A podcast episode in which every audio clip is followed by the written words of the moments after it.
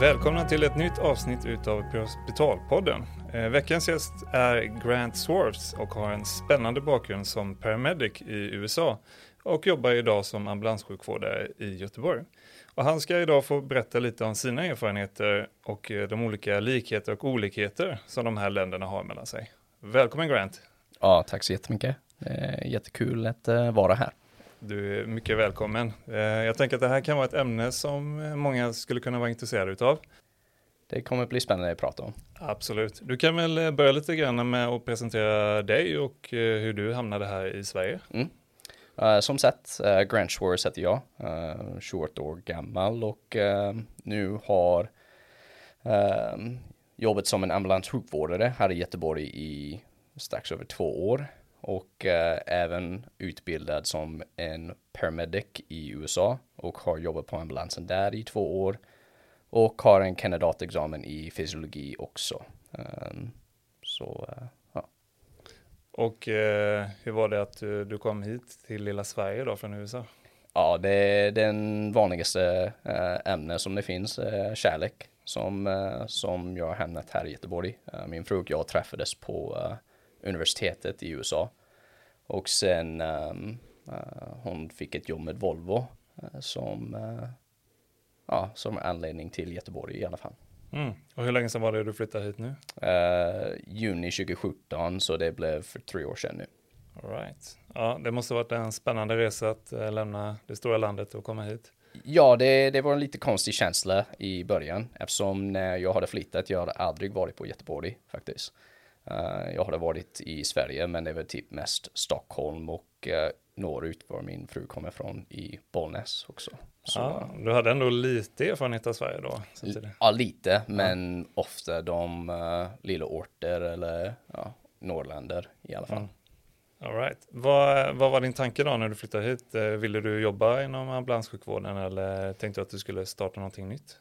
Nej, så jag från början har trivts jättebra på ambulansen. Um, ehm, och uh, även när jag läste EMT-utbildningen tänkte det var, ja, det, det var jättebra och vill även plugga vidare som en paramedic så jag kunde ja, göra gör lite mer behandling för patienter helt enkelt.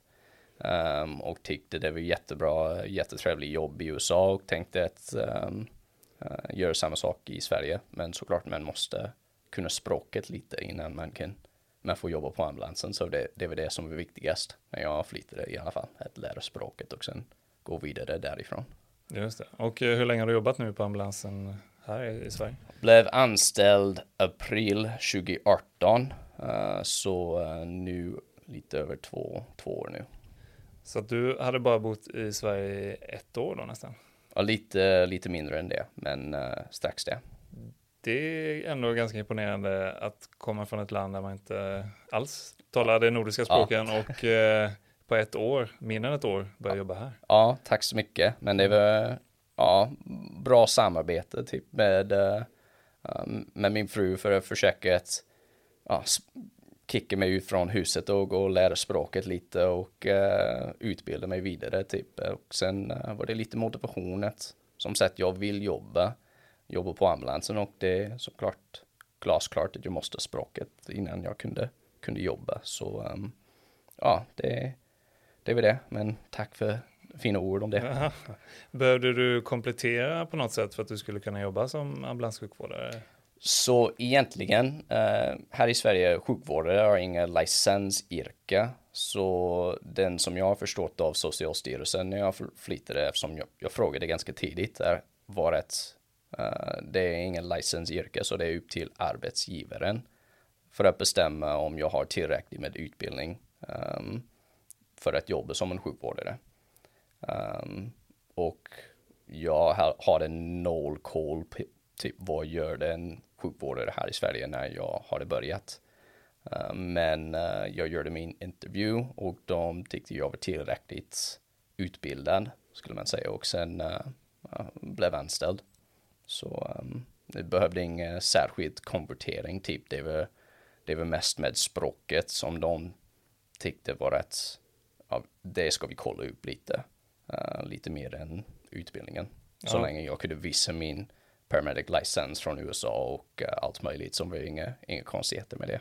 Nej, okej, okay. så du började inte läsa någon så här kompletterande utbildning då för medicinska ord och så på svenska? Eller? Nej, inte riktigt. Den som var ganska fin var att um, ehm, vi pratade en hel del um, latinska nästan med medicinska språket. Så det var det som var lite lättare, speciellt för att läsa.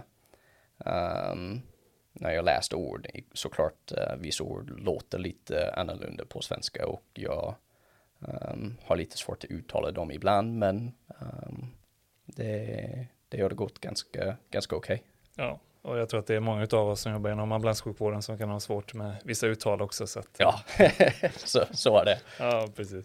Ja, men kul Grant. Men vi ska ju som sagt, vi ska ju prata eh, en del om din tid då som mm. paramedic i USA. Mm. Eh, vi kan väl börja lite grann med hur går utbildningen till för att bli paramedic? Om mm. vi startar där. Så jag ska börja med så här att jag kan bara säga vad jag har haft för um, erfarenhet eller upplevelse om hur utbildningssystem har fungerat. Så det är inte som det är hur det funkar i hela landet. USA är ett väldigt stort land och uh, med många delstater som uh, har lite olika regler. Men um, vad jag var utbildad var uh, lite västerut från Detroit, eh, om ett, ett, stad som heter Ann Arbor. Um, om man känner till University of Michigan, det, det är samma stad som uh, den stora universitetet uh, finnas. Uh, så jag läste EMT-utbildningen um, ehm, på den samma arbetsgivare som, eller som blev min arbetsgivare senare. De har en accredited, skulle man säga, för, um, um, för att utbilda folk för att bli ENT och sen vidare till paramedic. Så utbildningen för ENT uh, eh, för ungefär, ungefär en halv år. Uh, som väldigt kort, väldigt intensiv utbildning. Men det är det som är anledningen att ENT får inte göra så mycket medicinska sätt. De får göra de basic life support grejer, typ med kompressioner eller sätt på AID uh, eh, med hjärtstopp um, och vissa lätt medicinska grejer. Men de stora bedömningar eller uh, behandlingar får de inte göra. Uh, det kräver en paramedic för att göra det. Um, så det var ganska tidigt efter jag hade klarat det utbildningen att jag vill plugga vidare till paramedic för att behandla patienter mer eftersom jag tyckte det var jättespännande.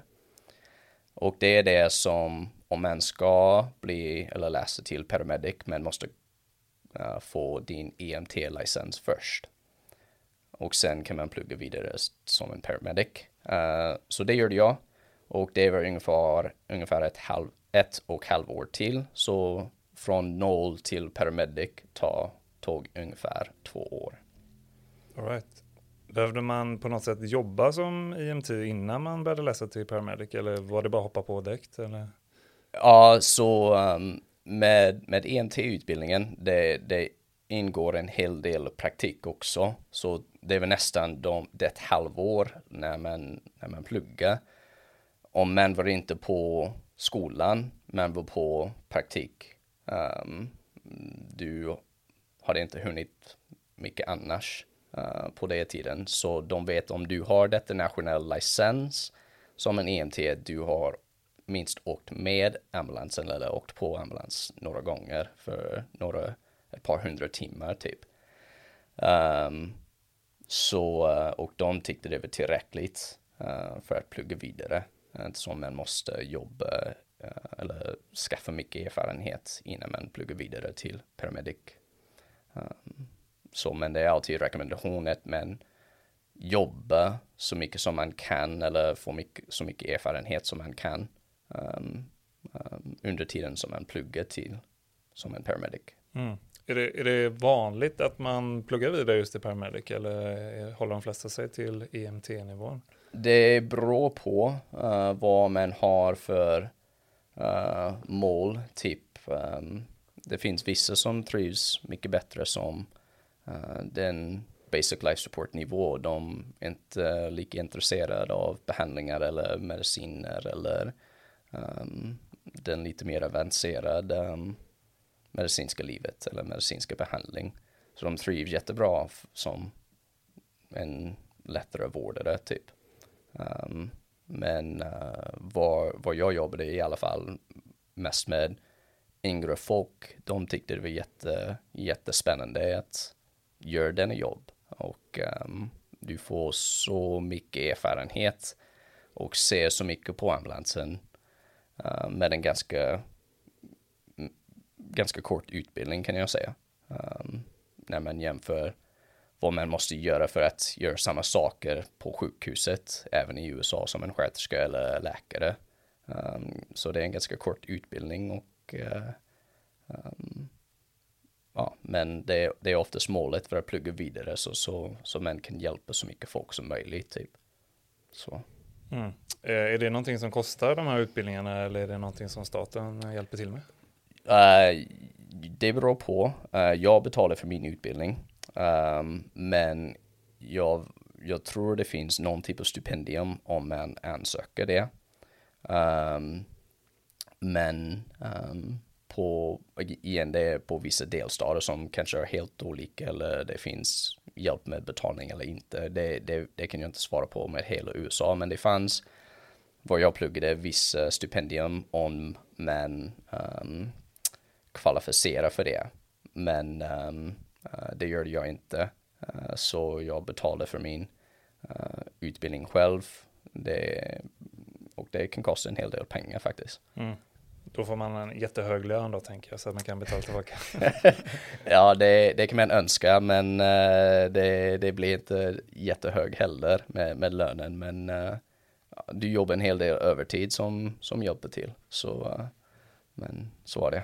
Mm. Du, du pratade lite om det här med att man fick göra något eh, nationellt, eh, någon, eller man hade en nationellt license. Mm. Eh, kan du berätta lite mer om det? Ja, precis. Så um, det, det fanns detta National Registry EMT, NREMT, um, som vi har som en licens, eller vad jag har det i alla fall.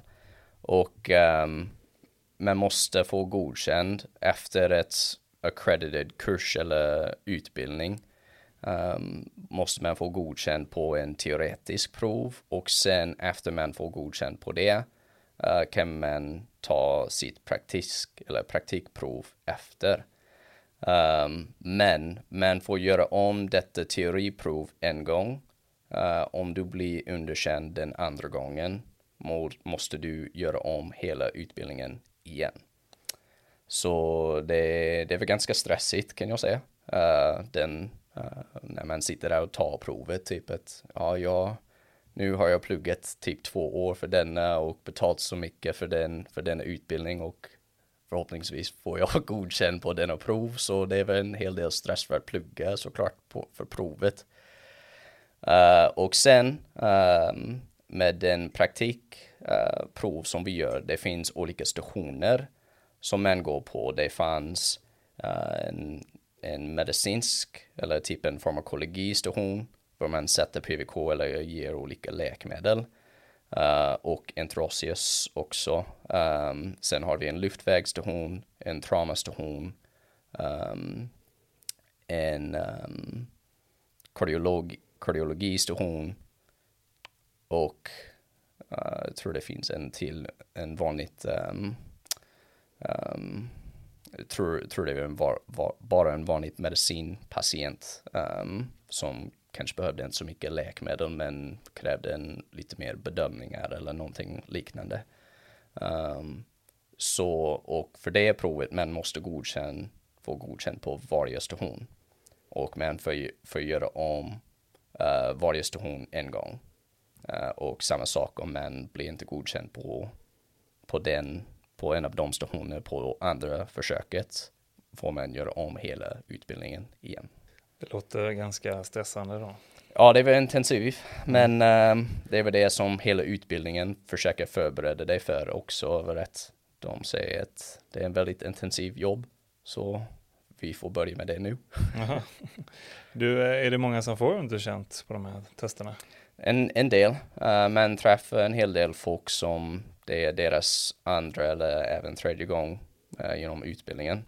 Um, och uh, man tycker ganska synd om det eftersom det är en, som sagt en hel del tid som man lägger på det. Um, och en pengar också. Så, um, men uh, ja, om det det jobbet eller det, det yrken som man verkligen vill ha, det, men bara kämpa på. Mm. Ja, verkligen. Ja, men då pluggade du som sagt till IMT först och mm. sen så blev du paramedic mm och så börjar du jobba då. Eh, hur ser liksom arbetstiden ut och sådär? Hur, hur är schemat? Jag som en uh, grön paramedic uh, fick en ganska kass schema där i början, eller tycker jag en ganska kass schema. Varje vecka jobbade jag varje onsdag, torsdag, fredag, lördag från 15 till 03. Så det betyder att uh, varje vecka jobbar, jobbade jag minst 48 timmar. Uh, och sen blir det varje månad minst 32 timmars övertid. Um, och uh, inte de mest eh, bekväma tider att jobba heller. Uh, ett slut är 03 på morgonen men blir lite trött på det också. Men som sagt, um, när jag hade börjat på ambulansen, jag var inte van med någonting annat. Det var bara livet, så jag kunde inte gnälla så mycket eftersom jag visste ingenting annat. Um, så, um, och uh, vi också har inga måltidsuppehåll eller rast eller någonting sånt heller. Um, vi, vi, om vi hade hunnit ett sväng förbi någon typ Circle K eller någonting för att värma upp våran matlåda eller något och äta på väg till patienten. Det var en ganska lyxigt, uh, lyxigt upplevelse typ. Och, eh, eller annars svänger vi förbi någon McDonalds eller uh, någon, någon snabbmatsaffär för att shoppa, shoppa middag i alla fall helt enkelt. Det blir snabbmat som blir bäst när det är varmt och gott och eh, ja, men hinner äta det kanske på väg som sagt till patienten där. Så uh, inte så konstigt, men gå upp i vikt lite grann på, på med det yrket här. Så uh, det upplevde jag också. Så uh, ja, det, det är lätt gjort. Ja, det fanns inte så mycket möjlighet att komma till stationen och träna då, låter det som. Nej, nej, tyvärr inte. vi, vi också har det, detta som, jag, jag tror det heter passning. Um, som man sitter på någon shift point typ för att um, man har lika kort short, eller körsträcka till patienten.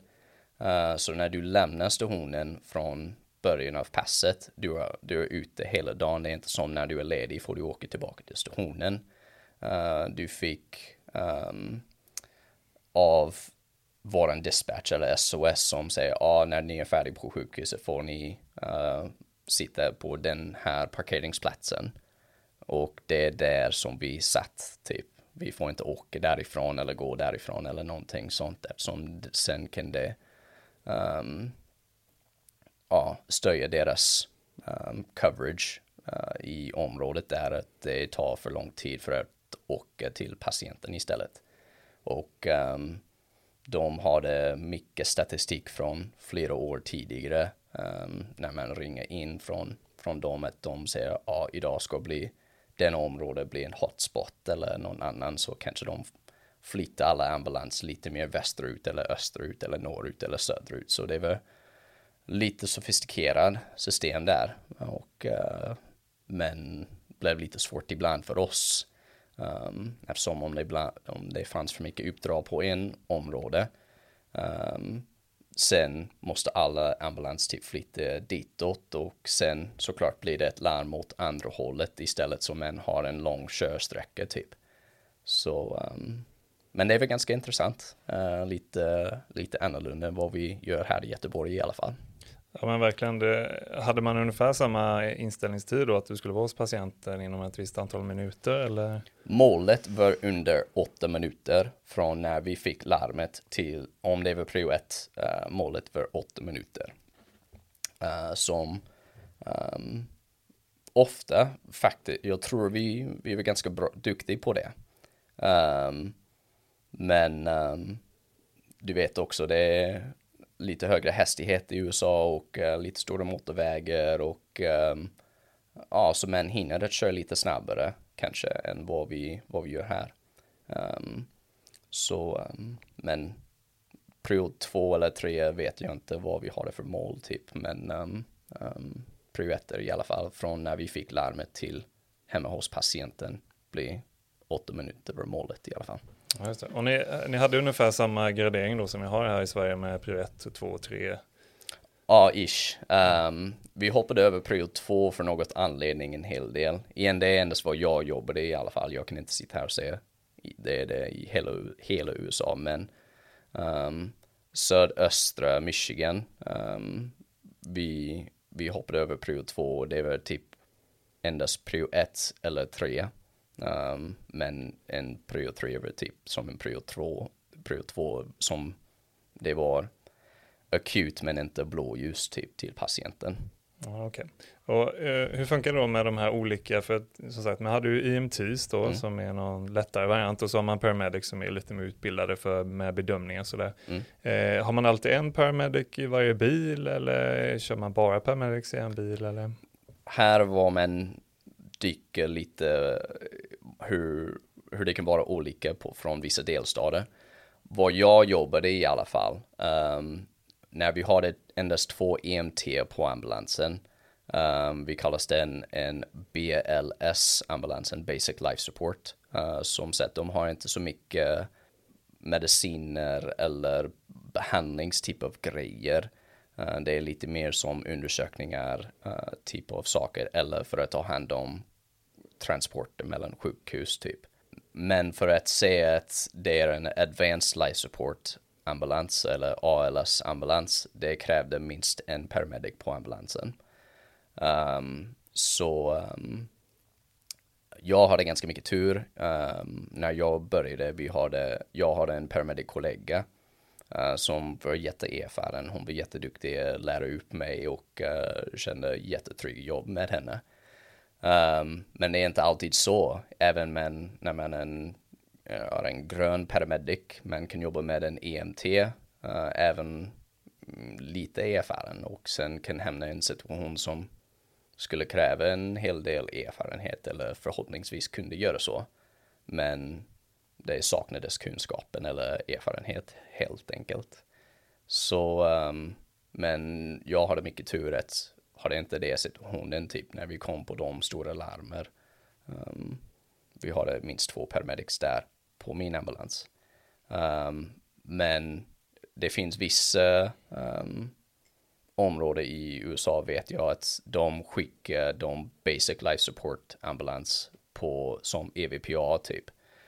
Uh, de får åka dit och um, uh, kan börja med uh, sätta på hjärtstartare eller AID på ambulant eller på patienten och sen uh, um, kör med basic luftvägar eller grejer också. Som jag tycker var ganska käck. Om du har ingen uh, jättenära ALS ambulans, varför inte skicka de som ja, kan göra lite skillnad också, minst börja med bra kompressioner. Um, så um, ja, det, det är väl hur det fungerade där i alla fall. Mm. Och vad, vad var det vanligaste man åkte på just där du jobbade? Ja, det är typ som här. Det är väldigt ofta med bröstsmärta eller buksmärta um, ehm, och uh, andningssvårigheter. Uh, de tre uh, var de vanligast. Um, och sen um, vi hamnade på en hel del trauma uh, på olika sätt. Men den vanligaste var bilolyckor. Um, i USA vi har en, ofta mycket högre hastighet um, och uh, stora bilar uh, som när man tänker på, på fysiskt sätt kräver en hel, uh, har en hel del mycket mer kraft när, när man krockar. Och sen har du lite mer dumheter också när man kör utan säkerhetsbälter eller um, har druckit lite för mycket och uh, sen kör bil efter. Um, det blir farligt för alla. Eh, på motorvägen.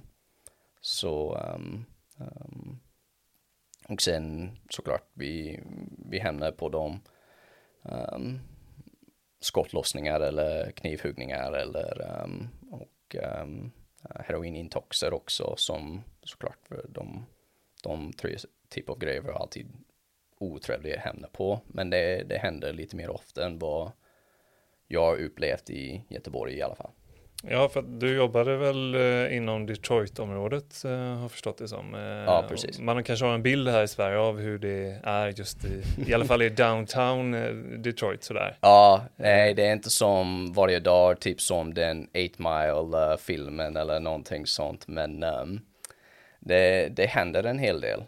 Um, att det, det kan vara så, men det är inte som varannan patient som vi åker på någon skottlossning eller någon jättesvår skada, trauma på olika sätt. Det, det, är, det är ganska blandat. Um, men det känns som, ja, ibland finns det vissa dagar som du åker endast på stora trauma eller på um, uh, heroinintoxer eller någonting sånt. Men um, nej, det är inte alltid som Hollywoodfilmer i alla fall. Nej, men eh, hade ni mycket besvär med just opioidöverdoser? Man har ju läst mycket om att det går en våg utav just de här överdoserna och många som dör faktiskt. Ja, faktiskt. Och det, jag har träffat en, en hel del av dem. Eh, uh, Nalaxon var någon läkemedel som vi var väldigt van med och uh, jag på ambulansen gav det minst en gång per vecka.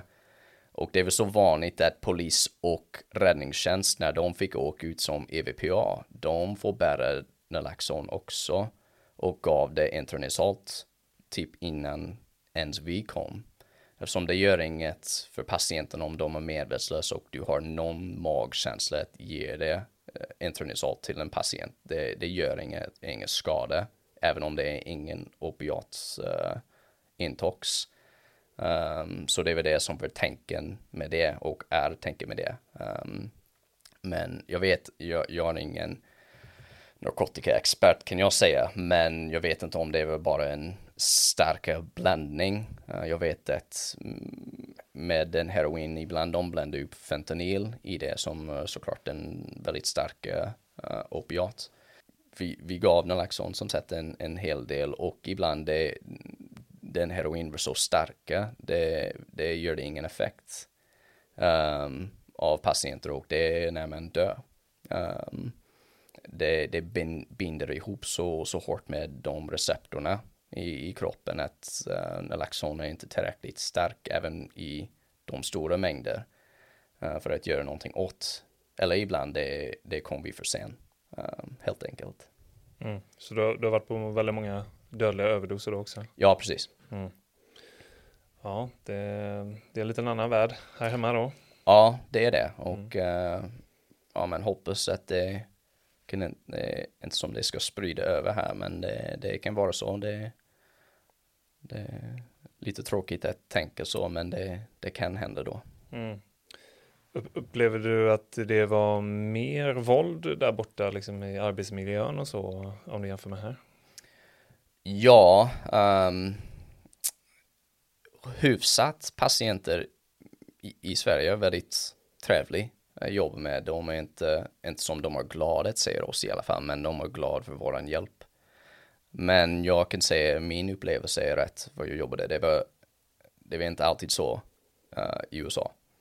Um, och för något anledning kan jag faktiskt förstå det. Um, till exempel om du har någon som kanske har druckit för mycket och har ramlat uh, i samma plan, typ och slagit i huvudet eller slagit i armbågen eller någonting och ska bara stå upp och gå vidare. Uh, men någon annan som såg att personen har, har ramlat har ringt efter en ambulans och sa ja, det, och pekar ut honom och säger ja, du har um, uh, han har ramlat ja, kanske han har gjort det, men han vill inte ha hjälp av ambulans. Men ska vi säga så här om men är inte, denna man som har ramlat är inte helt orienterad. Han kan inte svara på vem han är, vad det är för dag, typ vem är presidenten eller eh, de orienteringsfrågor helt enkelt.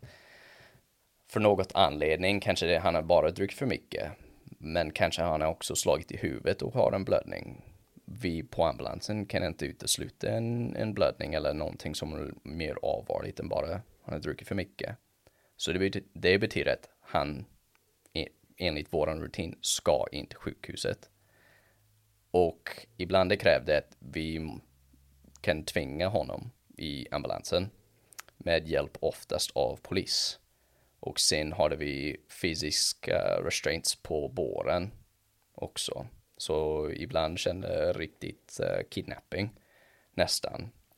Um, personen själv har inte ringt, men någon annan som har ringt efter och säger att du behöver en ambulans, men denna man vill inte ha en ambulans, men genom han är inte orienterad, han, han ska in. Och sen om, om denna person, om patienten på, på det tiden, om, om patienten fortsätter att kämpa mot oss eller någonting, uh, har vi ordination för att ge lite eh, uh, Midazolam också, 10 milligram intramusk för att lugna ner dem för att försöka minska mer skada bägge för patienten och oss i ambulansen.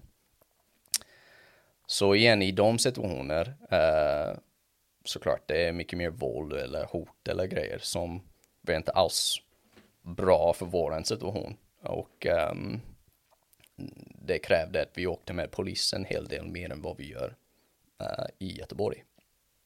Hur eh, ställer sig polisen till det? Är de ändå välvilliga till att åka med?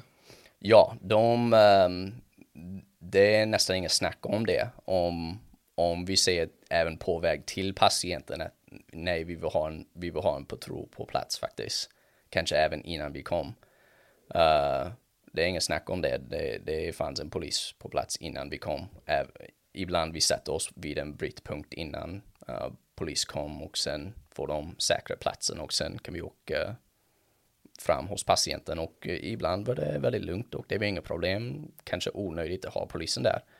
Men som vi vet på ambulansen, vi har ingenting att försvara oss och ofta har ingen särskild utbildning för att eh, försvara oss på något vis. Så det är de som polisen är lite mer proffsig på. Mm. För ni hade inga skyddsvästar eller så eh, när ni jobbade? Eller? Inte vad jag jobbade i alla fall. Uh, jag har hört att det finns vissa områden som har det. Um, men uh, våran arbetsgivare tyckte det var lite onödigt. De tyckte att nej, om du är på en situation som krävde en väst, det ju, borde inte vara på det situationen. Eller i, i det situationen helt enkelt. Du får vänta, invänta polis. Det låter lite som liknande som jag har här hemma då i alla fall i Sverige.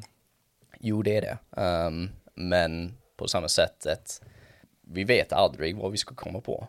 Eller även om um, dispatch eller SVLC eller SOS har fått den informationen att det är lugnt på plats kanske det är en helt annan sak när, när vi kom dit. Vi, vi egentligen vet aldrig.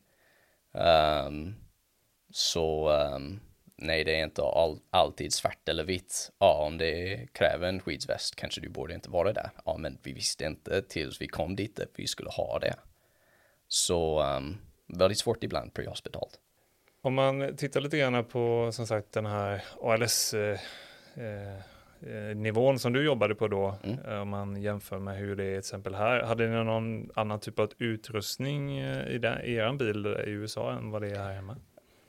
Lite grejer, men hyfsat är det ganska lika. Um, I Göteborg i alla fall, vi hade den Corpus uh, eh, hjärtmonitor i alla fall. Och som var ganska lika som våran Lifepack 15 som vi har det. Men um, på den Lifepack 15 vi, vi använde det på full kapacitet kan jag säga. Vi kunde pacea patienter som var lite för, för bradykard eller symptomatisk eh, uh, bradykard i alla fall. Och sen vi kunde köra elkonvertering för de som var symptomatisk för hög puls. Och um, um, och vi hade lite mer läkemedel för de typ av patienter också, lite denazin och ehm, eh, um, uh, kalciumchannelblockeringar och um, ja, bara för exempel vad vi, vi, vi hade lite mer verktyg på det sättet. Men hyfsat genom om, man jämför den korpus med Lifepack 15, det, det är ganska lika eller uh, Pensiboren och Strikerstol eller Strikerboren som vi har det på min ambulans, det, de är ganska lika. Um, så, um, men den som var jag tyckte var väldigt bra. Vi har en ganska stor bil, eller våran själva ambulans för ganska stora. Uh, vi körde Ford F350 som men har mycket plats på i bak med uh, patienten och kunde behandla på bägge sidor av patienten och um, um, även hade plats för tre vårdare i bak uh, med alla tre för att ha säkerhetsbälter på sig som Um, det har vi inte i mest av de bilarna i Göteborg ja, i alla fall. Ja, just det. Men eh, om man ser lite till läkemedelsnivån så där, upplever du att ni hade ändå mer läkemedel på paramedic-nivån då än vad det är här? Ja, eh, jag vill inte säga mer eftersom i Göteborg vi är lite bättre på, uh, eller har lite mer medicin för att välja mot typ smärtlindring till exempel. Vi har lite um, mer alternativ för att välja hur vi ska smärtlindra vår patient. Um, vad jag jobbade, vi hade endast morfin eller fentanyl. Endast, vi hade inte ens paracetamol eller Ipren eller någonting heller.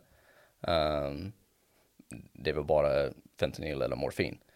Um, men de lite mer ovanligt mediciner. Um, vi har det på våran ambulans, typ magnesium, kalcium um, och kalciumchannelblockeringar. Um, och tänken för det var att um, vi hämnar mer på lite olika um, intoxer som kanske kräver lite mer olika antidoter förutom bara flumazenil eller nalaxon. Um, folk som kanske um, um, tar någonting som, som kräver de andra eller lite mer konstiga läkemedel. Um, lite mer ofta eller lite mer vanligt i USA. Um, och men, när man tänker på det, alla de här sakerna är alltid en kostnadsfråga som, som du vet. Uh, I USA eller vad jag jobbade, uh, det var en privat företag. Så det är patientens försäkring eller patienten själv som ska, ska betala för deras behandling. Uh, så med varje medicin som vi ger, det är inte arbetsgivaren som betala för att ha det tillbaka på ambulansen. Uh, jämfört med här, det är Sahlgrenska, om vi ska ge en läkemedel, det är Sahlgrenskas um, ehm, ansvar för att fylla på det efter uh, när att vi, vi har tillräckligt med de mediciner. Så uh, på det sättet, om det, det, är lite mindre slösningar, om om det är någon medicin som vi ska ge eller som vi en, inte använder så ofta och det är tagit till sitt slutdatum och ska slänga ut det. Det slösar för mycket och jag kan förstå det med på det sättet att varför vi har inte de uh, eh, typ av läkemedel här. Och kanske det är lite skillnad i vissa delar av Sverige också, speciellt de som har lite, kör några mil till uh, sjukhuset eller någonting annat. Um, istället för oss här i Göteborg, omkring Göteborg, vi har ganska kort uh, körsträcka till sjukhuset. Så, um, så jag vill inte säga vi har det mer i USA, det är väl lite mer som ja, vad kräver det? Um, när man tänker på vad du har för patienter eller för, för det som händer typ. Vi, vi har lite mer på smärtlindring här, men lite mindre för de lite mer konstiga saker. Um, um, i USA eller var i Michigan. Ja, okay. Eh, du nämnde att du jobbade för en privat eh, aktör. Eh, när jag kollade upp lite bakgrundsinformation här inför avsnittet så det verkar vara en djungel alltså med olika nivåer och det är ambulanserna knutna till privata aktörer men de är också knutna till olika sjukhus. Såg det ut så där du jobbade också? Egentligen nej.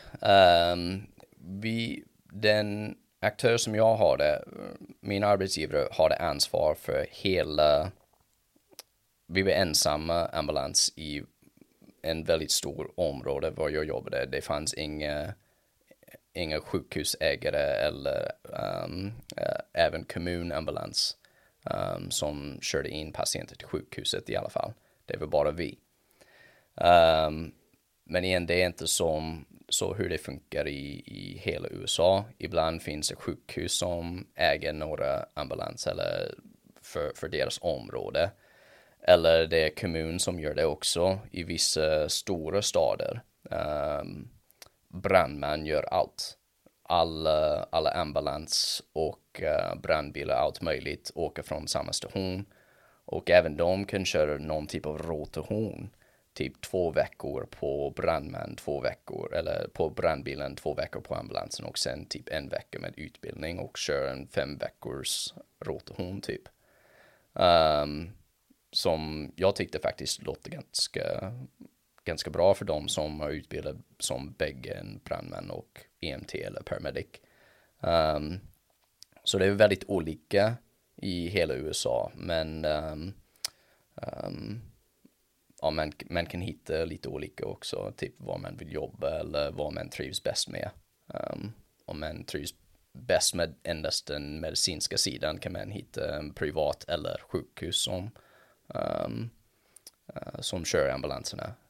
Eller annars om man vill uh, bli bägge en brandman och en paramedic. Um, också ganska enkelt att få eller hitta någon ställe som anställer en man som eller en person som en um, brandman och paramedic. Eh, fick ni möjlighet till att få mycket utbildningar vid sidan av ett jobb? Eh? Ja, faktiskt. Um, vi, um, vi hade tillgängligt med en väldigt stora grejer med typ haz hazardous materials eller hazmat för förkortning där eller um, CBRNE utbildningar eller um, terrorismutbildningar. Um, så vi, vi har det tillgängligt med en, en hel del av det. Och mitt arbetsgivare var tillräckligt stort var att även om det var någon um, um, typ regering, typ Homeland Security eller någonting sånt som ska ha någon klinik eller utbildning eller någon övningar i området. De fick bjudet att hej, vill ni ha några av era paramedics att komma in för denna utbildning eller något sånt som var jättespännande. Um, jag tycker det är alltid bra att hänga med de som har sett en hel del och mm. uh, har gjort en hel del. Så um, um, vi kunde utbilda oss lite vidare med genom yrken i alla fall. Och sen om man vill plugga vidare som en paramedic, uh, man kan läsa till critical care uh, paramedicine eller critical care paramedic um, som ofta kräver om man ska flyga på helikopter eller um, typ som vi har det också, vi har en mobil intensive care unit eller en MICU um, ambulans som tog hand om oftast är överflyttningar mellan de mindre sjukhus till en stora sjukhus som när, när den mindre sjukhus kunde inte eh, ta hand om en, denna svåra sjuk patient fick de att köra vidare till de stora. Och de har eh, mycket mer kunskap med res respirator och um, um, drän och uh, allt möjligt typ. Um, det var faktiskt ganska sällan att en läkare behövde åka med från den mindre sjukhus till den stora uh, när den uh, MICU ambulans för um, ledigt för att åka. Och hur länge hann du att jobba i USA innan du flyttade till Sverige sen? Uh, har jobbat i två år uh, i USA. Okej. Okay. Och sen så kommer du till Sverige, um, börjar jobba här. Mm. Vad är den största skillnaden som du märker av när du kommer hit? Ja, lite som jag pratat om förut för den med arbetsmiljön. Um, väldigt stor skillnad tycker jag. Um, jag, jag tänkte att jag, jag hade det väldigt bra i USA. Jag trivdes jättebra med jobbet och uh, tyckte det var jättebra. Men nu att jag har jobbat här i Sverige i två år och får min rast eller när jag jobbar natt och får uppehållstillstånd eller får sova på en säng på stationen när jag är ledig jag skulle ha lite svårt att uh, komma tillbaka skulle jag säga till, till, uh, uh, till det jobbet i, i USA. Um, så um, jag tycker det är det som, som största skillnad. såklart det, det finns vissa lite saker men arbetsmiljön är någonting som vi träffas varje dag på jobbet så, helt enkelt och um, om det är så stor skillnad mellan en, ett arbetsplats från någon annan. Det är det som man skulle ska markera mest i alla fall. Verkar det som att eh, det är mer åt medicinska kirurgiska patienterna då som vi kör in här? För vi har ju inte sådär jättemycket stora trauma och skottlossningar här i Göteborg i alla fall. Eh, nu i alla fall. Ja, ja men precis. Ja. Det, det händer nog, men um, ja, vi, vi har en hel del medicinska patienter också um, i Detroit och um, jag tycker vi, om, om jag kan säga och jag kan förklara lite grann varför, men vi, vi har det lite ännu mer eftersom i USA, eller vad jag var i alla fall, vi har det ganska dåligt närhälsan. Det är väl inte som, ja, men under, eller kolla upp hos sin läkare årligen eller um, Eh, varannan månad eller även de som diabetiker eller hjärtsvikt eller de svåra kroniskt sjuka patienter, de träffade inte sin läkare tillräckligt ofta. Så um, det betyder att deras medicin eller de mediciner som de äter behöver justera ännu mer, men de gör inte det. Så sen över en längre tid blir de sjuka, sjukare, sjukare och sen efter ett tag de orkar inte mer och sen ringer till oss. Och sen hämnar vi oss på en svår sjuk hjärtsvikt patient som har fyllt med vätska överallt. Så, ehm, och när man jämför det med, med Sverige här, ofta man träffar läkaren rätt ofta, eller de säger hej nu är det dags uh, att träffa läkaren och det är nästan aldrig en kostnadsfråga. Nästan alla har råd för att träffa sin sin läkare eller de, de fixar det på, på något vis. Det är inte alltid så i, i USA för något anledning. Nej, och det är kanske det är lite det jag tänker att man, man kanske väljer att avstå då om det är en ekonomisk fråga och eh, min känsla är att det skulle kanske kunna vara ganska dyrt att söka vård och även mediciner är väl ganska dyrt i USA. Jo, uh, det kan bli så. Um, det finns ett rykte att, ja, att det finns ingen försäkring typ, även om, om man har det svårt med ekonomiskt. Det, det finns någonting ofta att fixa på något vis, även med regeringsförsäkring för de som har svårt med pengar eller de som har gått uh, till pension eller någonting. Det, de har en annan typ av försäkring. Men till exempel om du har en arbetsgivare som kanske ger, ger dig för mycket pengar um, men för dåligt försäkring så hamnar man i den situationen att du tjänar för mycket pengar för att kvalificera dig för regeringsförsäkring och din arbetsgivare är för dåligt för att ge dig för tillräckligt bra med försäkring om du blir sjuk eller om du är kroniskt sjuk. Um, som är jättesynd och um, tyvärr händer det för ofta. Um, men det är hur systemet fungerar i alla fall. Ja, vi har det ändå ganska bra här i Sverige då, om du jämför. Ja, det, det, det tycker jag. Um, det, jag tror det aldrig finns en perfekt system, men det finns bättre system än de andra kan jag tänka mig och jag tycker vi har det väldigt bra i Sverige. Ja, eh, bara tanken att vi ändå får lite raster då och då, vi får lite måltidsuppehåll, eh, än att sitta på en parkeringsplats. Eh, ja, på någon köpcenter eller något sånt där. Det är ändå ganska schysst så. Jo, ja men precis och det är alltid bra att komma tillbaka till stationen och uh, uh, tjata med kollegorna eller uh, ta en kaffe eller ja, det är jättetrevligt. Mm. Eh, du som ändå då har sett båda världarna, vad, vad är din känsla för det här med att vi har sjuksköterskesystemet och sjukvårdarsystemet i, i Sverige? Kan du se att det är någon fördel eller ser du att det var ändå kanske bättre att ha det så som ni hade i USA? Det beror på, jag förstår anledningen faktiskt, jag har sjuksköterskor på ambulansen och um, jag tycker det är faktiskt en väldigt bra idé när man tänker på att ambulansen har en ganska fysiskt krävande jobb och kanske man orkar inte det i hela livet. Um, och det förstår man. Sen är det dags att ta det på någon, någon annan ställe, någon annan plats som en sjuksköterska. Um, och du behöver inte utbilda dig vidare till för att göra det. Uh, om man jämför samma situation som en paramedic i USA. Um, du kan jobba som en technician på sjukhuset, men det är inte samma nivå och ofta det är inte samma betalt. Typ du får ta blodproverna eller kanske sätta kateter eller grejer på akuten men det är inte alls på, inte alls samma saker som du är utbildad att göra. Uh, och om du vill utbilda dig vidare efter paramedic-utbildning till sjuksköterska för att jobba på avdelningar eller på akuten som en sköterska, du behöver läsa ett och halvår till. Så eh, på det sättet, jag tycker det är faktiskt väldigt smart att göra så. Um, men på samma sätt i Göteborg i alla fall, vi kräver inte att man måste ha detta ambulansutbildning innan man börjar på ambulansen. Som en grundutbildad sköterska kan tänka mig är lite läskigt. Um, eftersom du som, som en sköterska, du är ganska van att ha en, nästan en hel team med dig.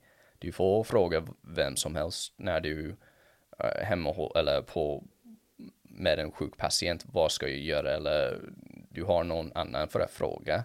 På ambulansen, vi är ganska självständigt. Och om du är inte van med det eller om du har inte detta prehospital utbildning eller kunskap, det, det kan bli lite svårt kan jag tänka mig. Men på samma sätt jag också förstår att ibland det, det är svårt att kräva det i, på en stor stad som Göteborg som har så många ambulanser som rullar hela tiden. Det är väldigt svårt att kräva det när du har så stor verksamhet som vi har. Jag tycker det blir bättre för alla, typ kanske inte för arbetsgivaren som försöker hitta personal för att uh, bemanna bilar, men uh, um, det blir ofta, kan jag tänka mig, det blir bättre för personal och uh, patienterna helt enkelt. Mm, absolut. Eh, och jag vet ju att du pluggar ju själv nu till eh, sjuksköterska. Mm. Eh, du har kommit upp i, är det termin två nu du ska börja? Ja, precis. Till höst här ska jag börja termin två på Högskolan Borås där. Just det. Och det är samma känsla där, att du känner att du vill ändå utvecklas lite mer eller ja, i alla fall få göra lite mer bedömningar då kanske än som sjukvårdare?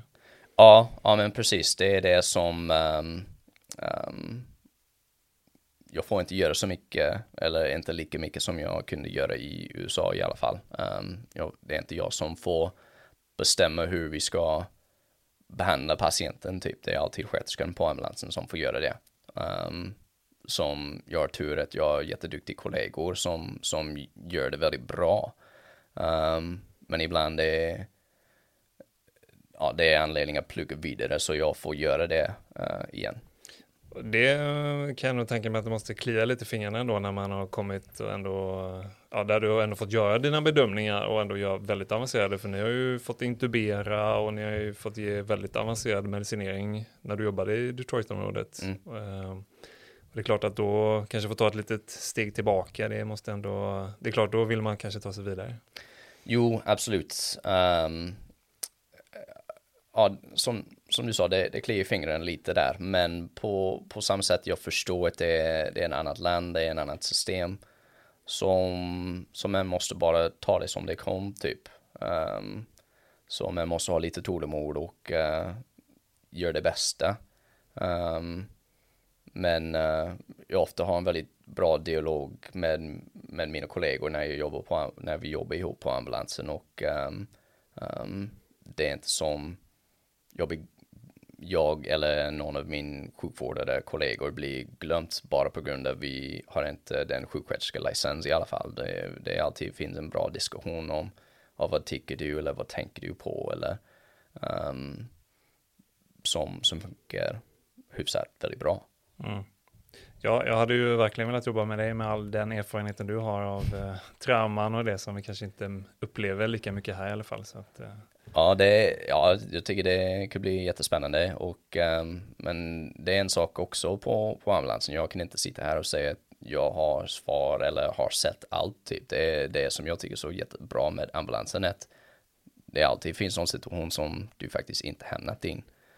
Oavsett hur länge du har jobbat. Det finns någonting som man kan lära sig och det tycker jag är väldigt viktigt att fortsätta med utbildning och övningar och uh, även bli lite uh, obekväma situationer som nej, om man känner till att nej, kanske jag är inte jättebra med det här. Ja, öva på det helt enkelt. Ja, ja men det är väl en, en vettig inställning kan jag tycka. Ja. Va, men vad tycker du ändå har varit det svåraste då med att komma in eh, här i den svenska sjukvården? Vad har skilt sig mest åt?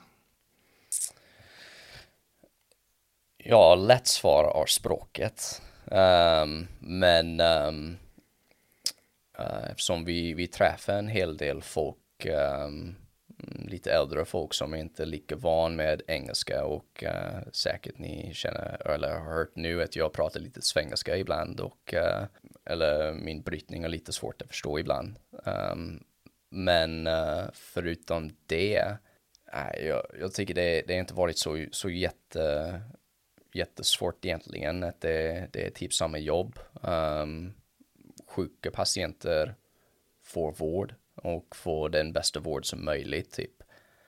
Och på ambulansen det är inte alltid den perfekt vård men det är det som vi strävar efter i alla fall. Och, um, eller som är målet i alla fall. Och um, um, ja, det, det är exakt samma i bägge länder. Mm. Har du eh, hört av dig till dina gamla kollegor i USA och berättat hur bra vi ändå har det här? Blir, ja.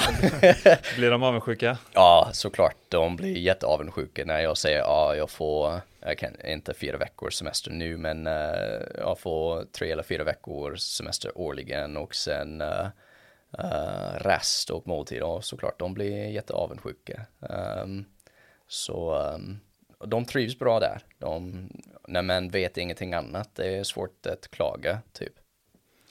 Kanske vi får en anstormning här snart nu av eh, amerikanska paramedics som vill börja jobba här i Sverige. Då. Ja, det, det kan hända så. Jag eh, har en ny kollega, Kyle, som också som en EMT som ganska nyligen börjat på ambulansen där. Han jobbade som en EMT i New Jersey. Så flodet har börjat i alla fall. Ja, precis, precis. Ja, jätteintressant Grant och, och fått höra dig prata om detta.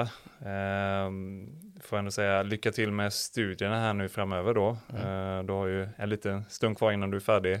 Aha. Ja, men precis. Har du någon tanke att du skulle vilja jobba någonting på sjukhuset innan du kommer tillbaka till ambulansen eller? Ja, jag vet inte just nu för tiden. Som, som du sa, jag har en hel del tid innan. Uh, så jag hinner att tänka på det lite grann. Ja, ja men du, som sagt, du har en stund på dig att fundera på det. Så att, uh. Men eh, tack så jättemycket för att du har varit med i avsnittet. Vi har fått ihop en hel timme här nu. Alltså? Ja, det har gått fort. Ja, ja. ja men uh, jag tackar dig så väldigt mycket. Jag tycker det är jättebra idé och jättebra jobb att du gör för att uh, ha denna podd. Uh, jättebra information som, som man får ut och får lära sig också. Tack så jättemycket. Det ska jag ta med mig. Så får du ha det så himla gott så länge. Ja, tack så jättemycket. Ha det gott. Hej. Hej.